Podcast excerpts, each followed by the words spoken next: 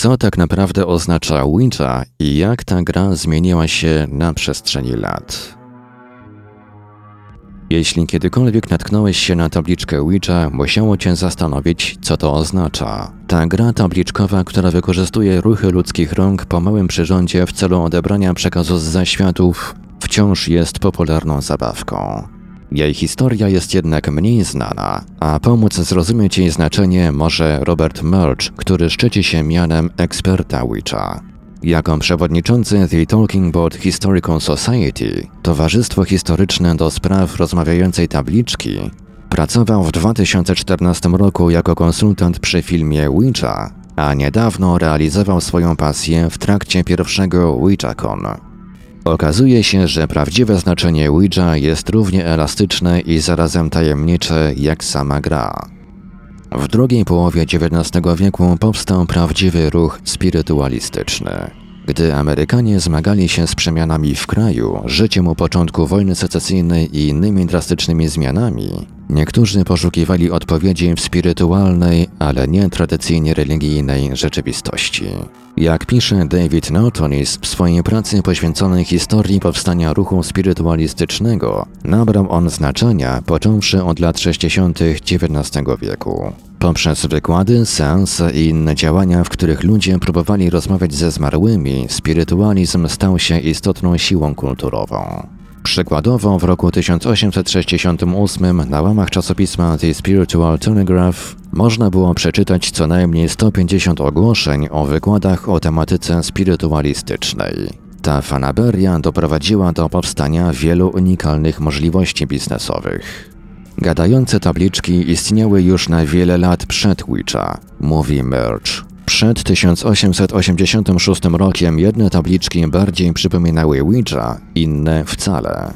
Według Mercha wczesne wersje zawierały wiele różnych sposobów na odbieranie wiadomości. Niektóre z nich wykorzystywały płyty ze znakami, na których naciskało się ręką na przyrząd, a nacisk kierował igłę na różne litery. Inni wróżbici przy odbieraniu przekazów polegali na stukających odgłosach dochodzących spod blatu stołu. Niektóre z narzędzi używały nawet deseczki, zwane były planchette. Tak się nazywa przyrząd, który trzyma się podczas używania tabliczki Ouija. Mit mówi, że jego nazwa wzięła się od nazwiska francuskiego medium, jest to jednak określenie małej tabliczki, które znane było już w średniowiecznej Francji. Niejednokrotnie te wczesne deseczki posiadały otwór, tak aby można było zapisać odpowiedź przy pomocy ołówka. Kwestią dyskusyjną pozostaje, kto wynalazł tabliczkę Ouija z 1886 roku. Niektórzy przypisują to stolarzowi o nazwisku E.C. Rage, podczas gdy inni twierdzą, że jej twórcą był Charles Kennard. Najczęściej sądzi się, że Rage sprzedał swój wynalazek Kennardowi. Nie jest to jednak w 100% pewne. Rage twierdził później, że tabliczka została skradziona. Zdaniem Kennarda, mówi Merch, wpadł on na ten pomysł siedząc w kuchni w swoim nowym domu. Kennard twierdził, że położył na stole deskę do chleba i trzymał nad nią filiżankę, w taki sam sposób, w jaki trzyma się deseczkę nad tabliczką Witcha. Gdy obserwował ruchy swojej ręki, zdał sobie sprawę, że odkrył sposób na uzyskanie dostępu do swojej podświadomości. Choć wynalazca pozostaje nieznany, wiadomo, że tabliczka Ouija produkowana i sprzedawana przez Kennarda i jego współpracownika Elijah Bonda oznaczała krok do przodu dla gadających tabliczek. Jej design, łuk składający się z liter, deseczka oraz napisy tak, nie oraz do widzenia był unikalny. Unikalna była również nazwa tabliczki. Towarzyszył jej też mistyczny mit. Nazwę zaproponowała Helen Peters, szwagierka Elijah Bonda. Cieszyła się reputacją medium, więc 25 kwietnia 1890 roku odbyła w Baltimore sesję z tabliczką z udziałem przedsiębiorców. Według listów i dzienników grupy zapytano tabliczkę, jak chce być nazywana. Tabliczka odpowiedziała Ouija. Gdy zapytano, co to oznacza, padła odpowiedź Good luck. Powodzenie, szczęście, pomyślność.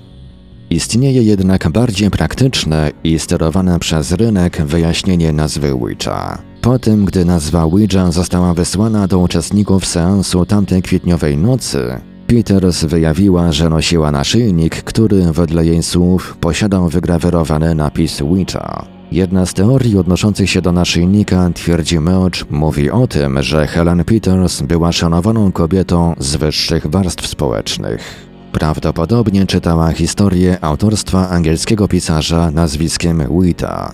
Uważamy, że mogła nosić naszyjnik z napisem Wita, zaś w jej podświadomości zapisało się Witcha. Koniec cytatu. Istniało również pewne egzotyczne odwołanie do tej nazwy, która w zamierzeniu miała brzmieć jak wyjęta z egipskiego słownika. Gdy gra otrzymała patent w 1890 roku, była nazwana egipską tabliczką szczęścia. Egipt był modny w pewnych kręgach spirytualistycznych i performerskich. Dla przykładu, w 1888 roku profesor Canaris, czarownik z północy, w jednym ze swoich pokazów wychwalał egipską nekromancję. Tak naprawdę nie wiadomo, czy Ouija stanowiła autentyczny wyraz poglądów spirytualistycznych, element egiptofilskich bzdur, obliczony na zbicie kapitału na tych poglądach, czy też może mieszankę jednego i drugiego. W końcu jednak nazwa Ouija zyskała jeszcze szersze znaczenie. W roku 1901, potem jak w wyniku transakcji produkcja Ouija przechodziła z rąk do rąk, przedsiębiorca William Fold zabezpieczył sobie prawa do sprzedaży przebojowej tabliczki. Posiadał już wprawdzie patent na swoją własną gadającą tabliczkę, jednak to właśnie Ouija była pożądanym przez niego mainstreamowym hitem. William Ford przejął tabliczkę, mówi Merch, i zdał sobie sprawę z tego, że nie ma znaczenia jak ją nazwałeś, skoro ją kupiłeś. W latach dwudziestych XX wieku ludzie używali więcej slangu i jeśli grałeś tą tabliczką, łyczowałeś, mówi Merch. Tabliczki zostały zmodyfikowane, aby to odzwierciedlać, a niektóre posiadają nawet adnotacje. Nawet jeśli nazywasz ją Ouija lub Ouija, to wciąż oznacza dobrą zabawę. Tabliczka wciąż posiadała mistyczne piętno, od teraz jednak nie służyła już wyłącznie odbieraniu tajemniczych przekazów spirytualistycznych bądź iluzji zapomnianego egipskiego boga. Była również grą służącą do zabawy z rodziną i przyjaciółmi. I takie też znaczenie Ouija utrwaliło się od tego czasu, szczególnie po sprzedaży przedsiębiorstwa Funda wraz z Ouija spółce Parker Brothers w 1966 roku. W tym samym roku Ouija prześcignęła w wynikach sprzedaży grę Monopoly. Dziś tabliczka symbolizuje wszystko, począwszy od gry retro, skończywszy na strasznym filmie, który wziął od niej swój tytuł. I może tak powinno być. Ouija zawsze robiła to, co chcieliśmy, może więc uznajmy, że Ouija posiada też takie znaczenie, jakie chcemy. Autor Phil Edwards, Vox.com. Tłumaczył, opracował i czytał Ivelios.